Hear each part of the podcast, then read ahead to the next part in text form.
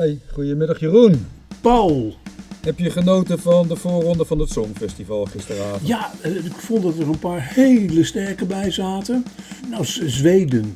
En die vrouw die eh, was al eh, een keer winnares. En die deed het toch in haar eentje. Met een ja, merkwaardige futuristische uitdossing. Met die hele merkwaardige lange klauwnagels.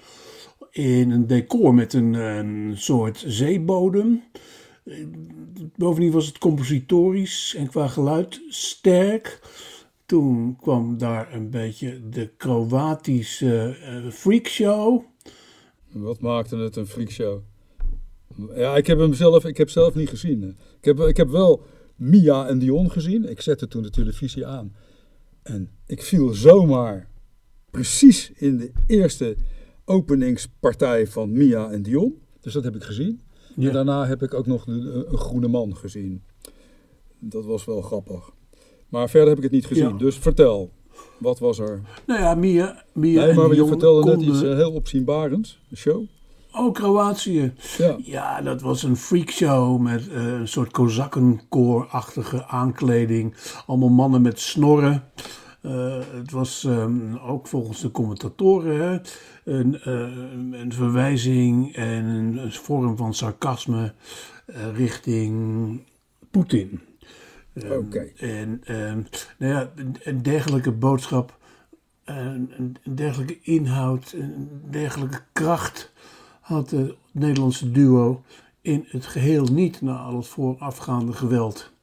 En ehm, kon het niet opvatten als een, een demonstratie van Nederlandse grootsheid.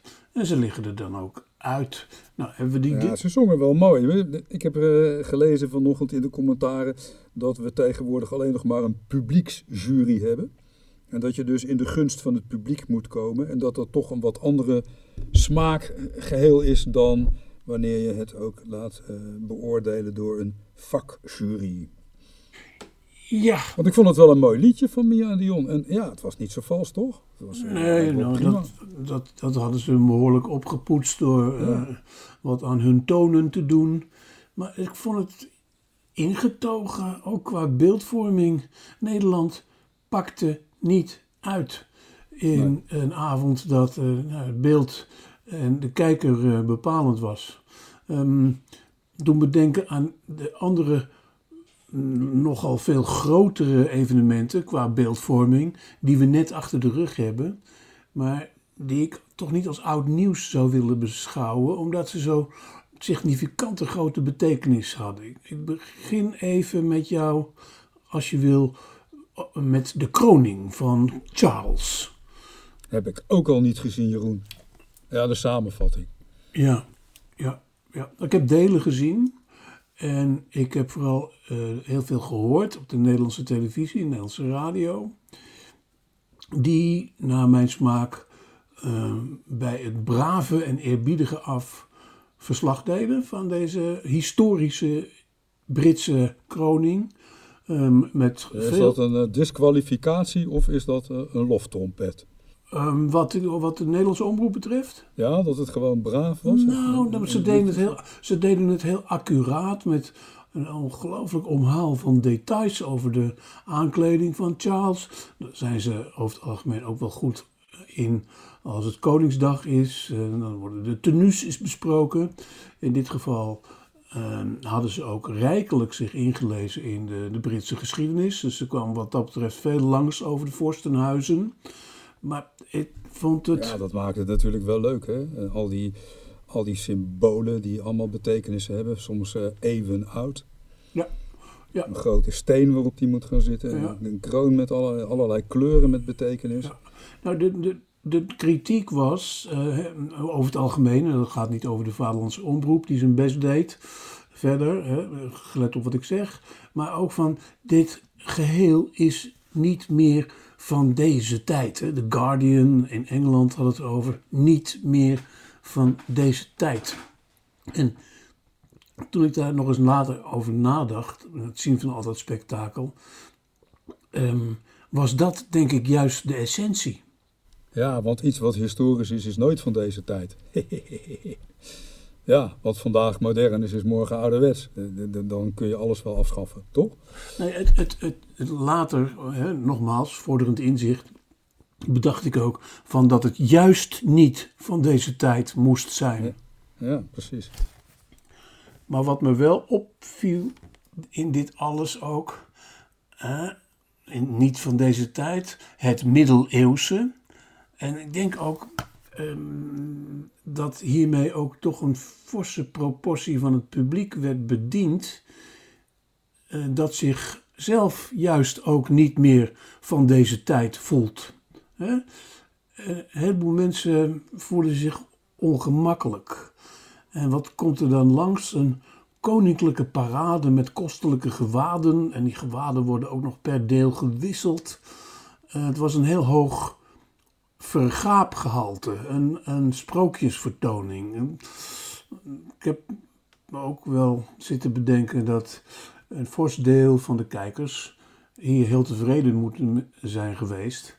Naast degene die er met enige weerzin naar zitten, zaten te kijken.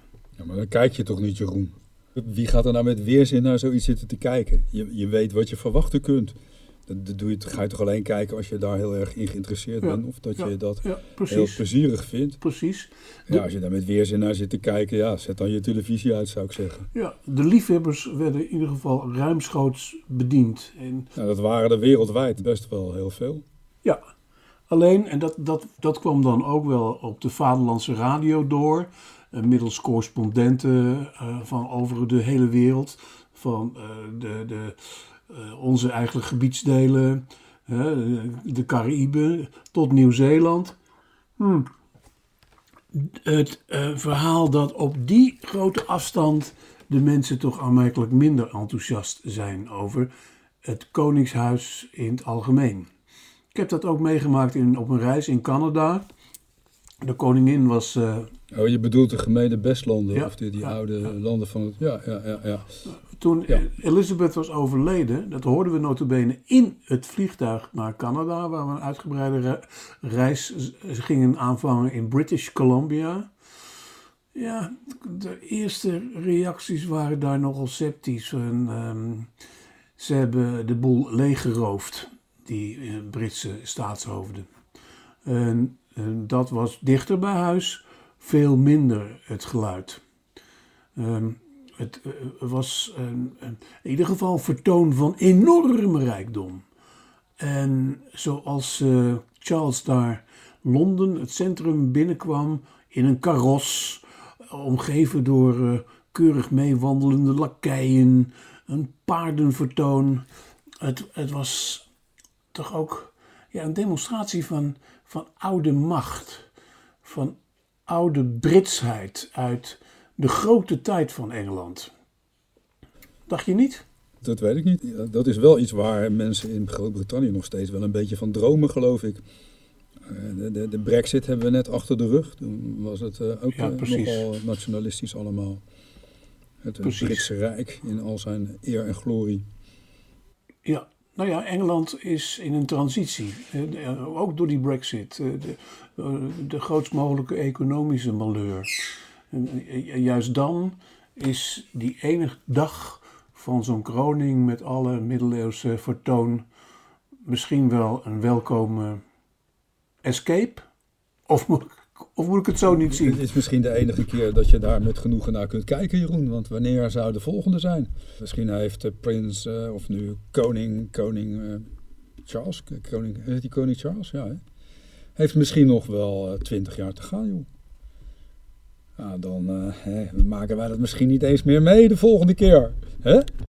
Nou ja, hij zal in ieder geval in zijn modernere maatpakken laten zien dat hij toch met de tijd meegaat. En dat liet hij overigens als prins al zien met zorgen voor het milieu en zo. Dus uh, ik, geef hem een kans, geef hem een kans.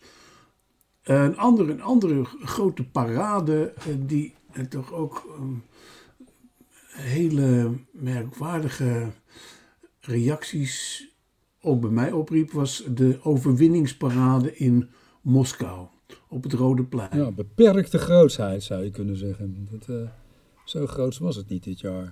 Nee, maar is dat dan ook symbolisch? Het is zo moeilijk om dat te duiden. Hè? Ehm, ehm, Ja, symbolisch, denk ik ook praktisch op het ogenblik. Er wordt een oorlog gevoerd, dus, dus de, de, de middelen zijn misschien ook niet beschikbaar voor zo'n parade. precies. Of zag jij daar iets heel symbolisch in? Nou, er was één tank en dat was er één uit de Tweede Wereldoorlog. het museum. En, en, dat is wat mij betreft het verlengstuk deels, denk ik, van het denken van Poetin. Die eh, in mijn idee opnieuw, ook met zo'n tank, laat zien dat hij een oude oorlog aan het voeren is. Die juist op dit moment met allerlei moderne middelen toch een hele onduidelijke kant op gaat. Eh, Nou ja, daar heb je wel gelijk in. In zijn speech eh, beschuldigde hij het Westen van het eh, uitwissen van het resultaat van de Tweede Wereldoorlog. Het verslaan van het nazisme, van het fascisme. En hij verwijt het Westen uit te zijn op de vernietiging van Rusland. Net zoals de nazi's dat zijn geweest.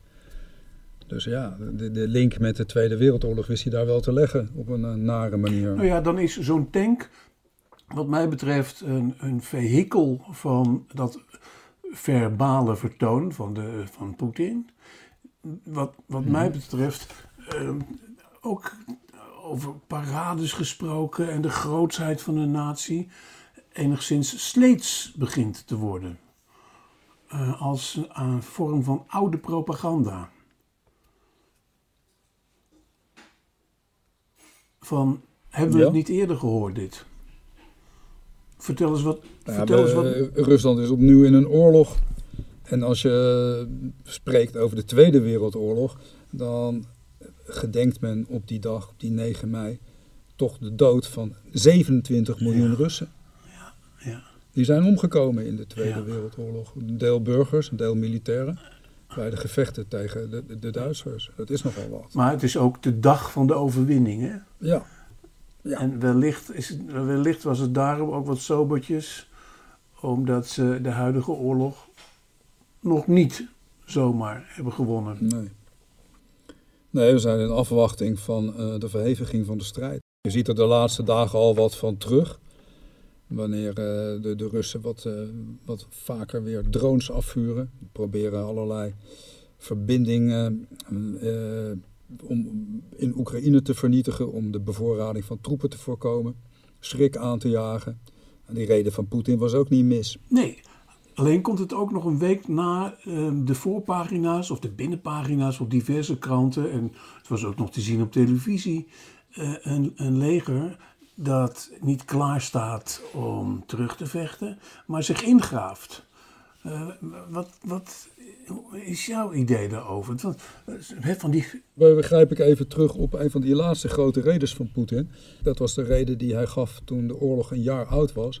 Waarin hij, en dat heb ik vaker als een heel belangrijk punt in die reden gezien, stap voor stap voor stap. En ik denk dat de Russische, eh, het Russische Kremlin nog steeds van plan is om Oekraïne grotendeels te bezetten. In ieder geval de Donbass en ook de verbinding te maken naar Transnistrië. Dus ook de Zwarte Zeehavens te bezetten.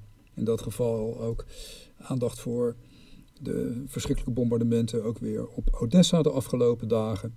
En hij doet dat stap voor stap. Kijk, waar denk ik de Russen een beetje op aan het rekenen zijn, is de uitputting van het Westen. De uitputting van de moraal en de uitputting van, van de wapens en van het geld.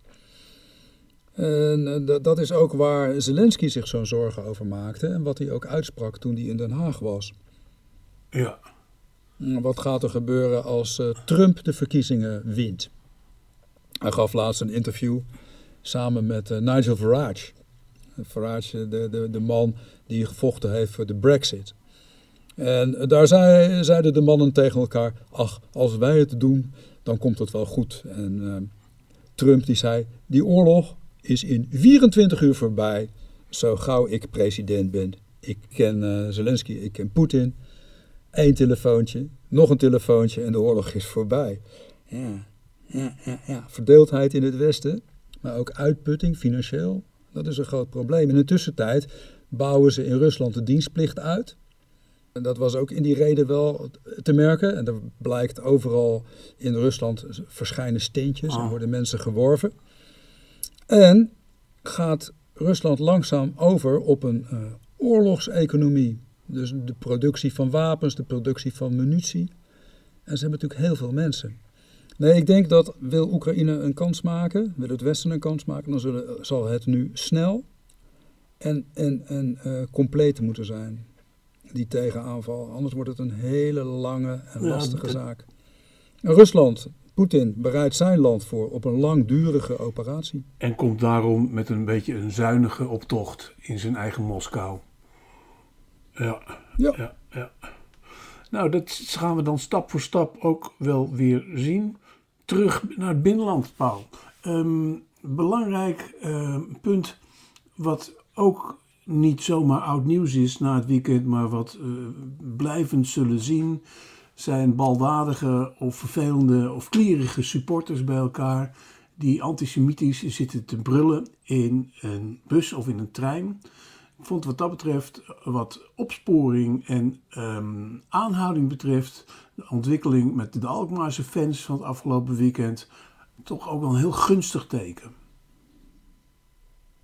Ja, eindelijk eh, lieten we als samenleving zien dit niet te accepteren. Hè, 154 van die gasten zijn in de metro opgepakt op weg naar de wedstrijd tegen Ajax, AZ Ajax. Ja, ze hebben de wedstrijd ook niet gezien. Ik denk dat dat voor hun al een aardige straf was. Maar de meeste zijn meteen weer vrijgelaten. Alleen 11 die zijn eh, in de cel gebleven. Ze zijn inmiddels ook alweer vrijgelaten, omdat ze ook niet konden nalaten om op weg naar het politiebureau ook nog eens de politiebus, of het was gewoon een stadsbus geloof ik, waar ze in werden gestopt, onder begeleiding van de politie, Ja. te vernielen. Ja, ja maar die, dat antisemitisme wordt natuurlijk wel een groot probleem. Het wordt salonveeg. En dat is de, de, de generatie, onze generatie, de generatie van onze ouders, eh, de mensen die oorlog hadden meegemaakt, daar was het heel erg beladen voor. De- Een jongere generatie heeft die, die beelden niet meer op zijn netvlies. Die, dat, dat gevoel er niet meer bij. En dan wordt het iets gewoons. En op het moment dat het iets gewoons gaat worden, wordt het levensgevaarlijk. Dan wordt een bevolkingsgroep gestigmatiseerd. En dat, dat is nooit goed. Dat is nooit goed. Dus ik maak me er al langer zorgen over. En ik ben heel tevreden dat er nu eens een keer stevig Ja, wordt maar dat moet ook eh, continu beleid zijn. Duurzaam beleid tegen dit kwaad. Het is een, Ja. Ja, en dan zie je dat, dat de, de mensen nu voorstellen die ze oppakken van ja, we gaan ze straffen, we nemen ze een keer mee naar een concentratiekamp. Ja, maar dat, dat, dat gaat niet werken, joh. Dat, dat, dat, eh, er moet heel duidelijk een eind komen aan het indelen van, van mensen in bevolkingsgroepen, eh, in, in allerlei identiteiten. Dat is een heel groot kwaad in deze samenleving van nu. En al die samensweringstheorie die daar weer op teruggaan, ik vind het een zorgelijke zaak. En ben blij dat er nu iets aan wordt gedaan. Maar dat moet een, een permanente educatie zijn. En ook ja, straffen op momenten dat men bepaalde grenzen van haatdragendheid overschrijdt. nou, het was Maar ook, ook in, de, in de stadions zelf. Hè? Ik las in de nasleep van dit verhaal dat de Nederlandse politie 300.000, ja, het is bijna niet te geloven, 300.000 manuren per voetbalseizoen kwijt is om orde te houden in en buiten de stadions. A 100 euro per manuur. Ja, dat is natuurlijk redelijk bizar. Dat geeft ook iets aan over de mate van beheersbaarheid en het tekortschieten van de beheersing. Eh, eh, Ja. Naast zo'n eh, gunstige ontwikkeling als het wel willen ingrijpen, in dit geval, van een ook nogal makkelijk in te blikken groep Alkmaarders. Die zaten gewoon eh, in de val, in, in, in, het metro, in die Ja. metrocel. Eh ander punt is die permanente educatie. Eh, dat is ehm, op zo'n datum als de 4e mei. Notabene, deze arrestatie was vlak na, of een paar dagen na de dodenherdenking. De 4e mei, waarop Zelensky langskwam. Wat eh, uit de zekere hoek ook weer kwalijk werd genomen. Omdat hij de aandacht zou hebben afgeleid van de vaderlandse slachtoffers. Hoe, hoe zielig kun je het hebben? Ehm, Eigen slachtoffers eerst. Ja, ik, vind, ik vond het bizar. Ik vond het ook een beetje dom Zeker. eigenlijk. misschien, misschien hebben ze zich wel een beetje vergist. Ja, ja maar we, hebben die parlementariërs dan wel voldoende educatie genoten? Eén. En twee, op 4 mei, het is stof voor 4 mei-lezingen, um, was het toch ook wel het juiste moment om voor permanente waakzaamheid te pleiten. En um, om, om um, ja, als weldenkende mensen in verzet te blijven gaan, voor wie dat in wat voor vermogen ook ligt, tegen dit soort uitingen. Goed, onderwijs. Um, nogmaals. Ja, weet je, de, de, de permanente educatie, dat is één kant van het verhaal. Ja, waar ik zo benauwd voor ben, is dat je stigmatiseert. Als je zegt, uh, je, je moet vriendelijk zijn voor, voor Joodse mensen of die hebben niks verkeerds gedaan, dan ben je alweer bezig om een groep eruit te halen. Ik, ik, ik vind dat in deze samenleving op dit moment heel vervelend. Je hebt allerlei soorten mensen op het ogenblik. Nee, je hebt gewoon mensen met een naam. Ja, jij heet Jeroen, ik heet Paul, klaar. Ik doe dit, jij doet dat. Die doet dit, die doet dat. Beoordeel mensen naar hun daden. Beoordeel mensen op hun, uh, op hun karakter. Maar beoordeel ze niet op hun afkomst, hun religie, hun huidskleur, hun, hun seksuele geaardheid. Ik vind dat uh, heel naar. En ik vind dat averechts werken. Als je alle mensen gelijk ziet, en, dan, ja, dan maakt het toch niet uit hoe, hoe iemand eruit ziet, of wat iemand gelooft, of wat iemand doet, pas wanneer dat consequenties heeft voor mijn vrijheid of mijn manier van denken, dan, dan, ja, dan zeg ik er wat van. Maar anders is het toch alleen maar prachtig om eh, in al die diversiteit met elkaar te kunnen leven, zonder dat je afvraagt hoe deel ik iemand in. Want je kan iemand indelen op, op één aspect, maar op een ander aspect kan die dan weer zeer afwijkend of zeer verschillend zijn. Dat klopt gewoon niet. En dat, is, dat geldt natuurlijk ook voor antisemitisme. Wat is dat, eh, eh, Joods iemand? Wat is dat? Dat kun je helemaal niet plaatsen. Misschien denkt die man precies of vrouw als jij denkt. Heeft hij eenzelfde carrière? Heeft hij eenzelfde opleiding? Dezelfde opvattingen over het leven?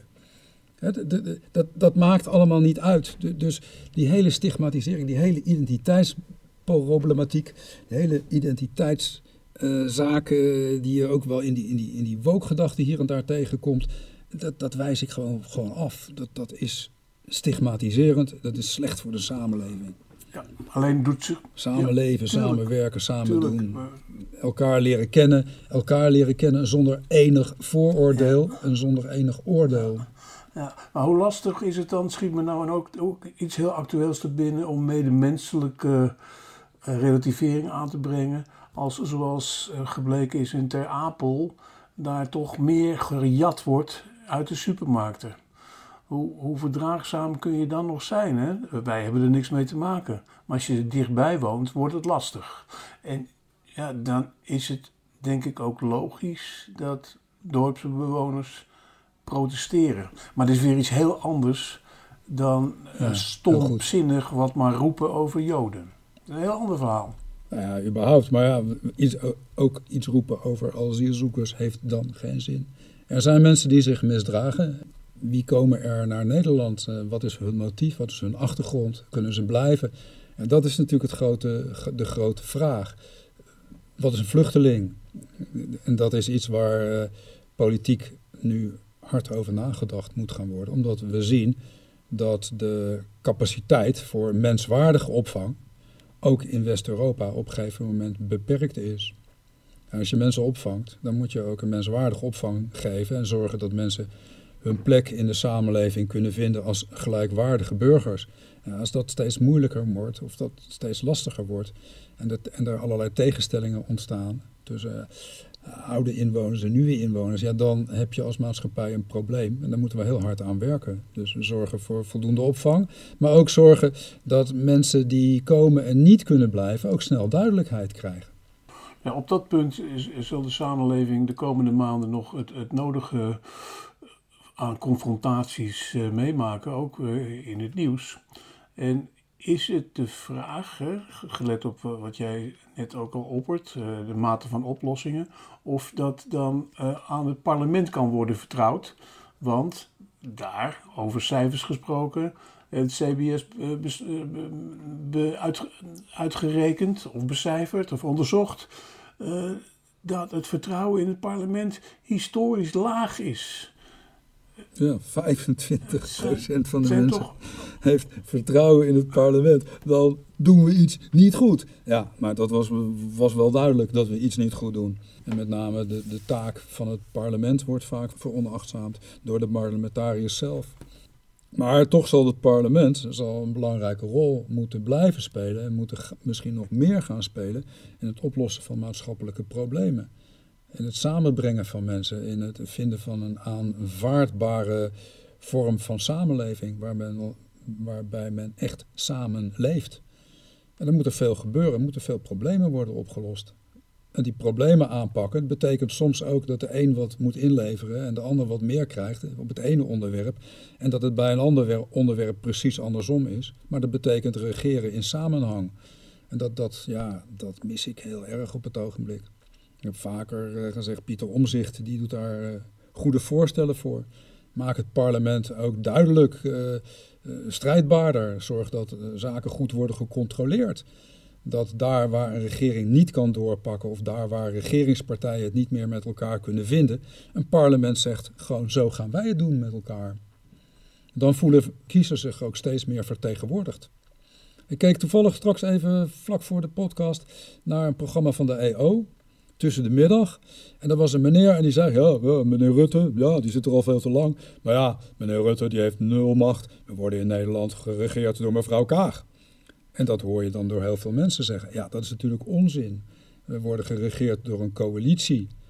Maar mensen herkennen zich blijkbaar niet voldoende in, in het geluid van de partij waarop ze hebben gestemd. Dan zal, zal er in de Kamer veel meer duidelijkheid moeten worden geschapen, ook richting regering. En dan zullen er misschien soms kamermeerderheden moeten komen op onderwerpen die misschien in zo'n coalitieakkoord even wat anders liggen. Maar mensen moeten zich vertegenwoordigd voelen en moeten politici kunnen vertrouwen. Nou, dat laatste, dat, dat blijkt niet voldoende aanwezig in de samenleving. En dat is niet goed.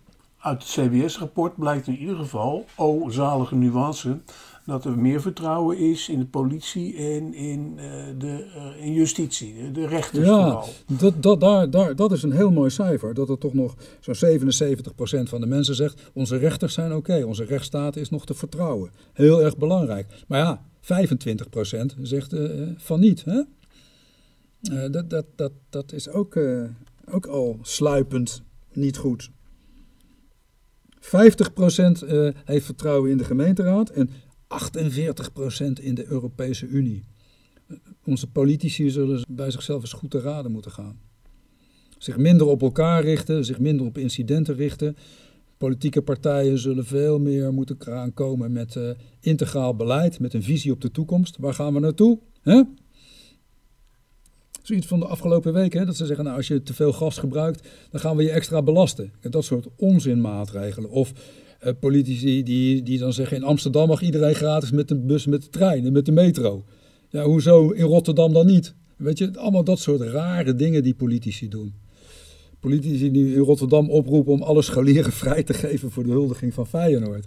Ja, waarom dan niet als je amateurclub in, eh, in Borculo Westen kampioen wordt of zo?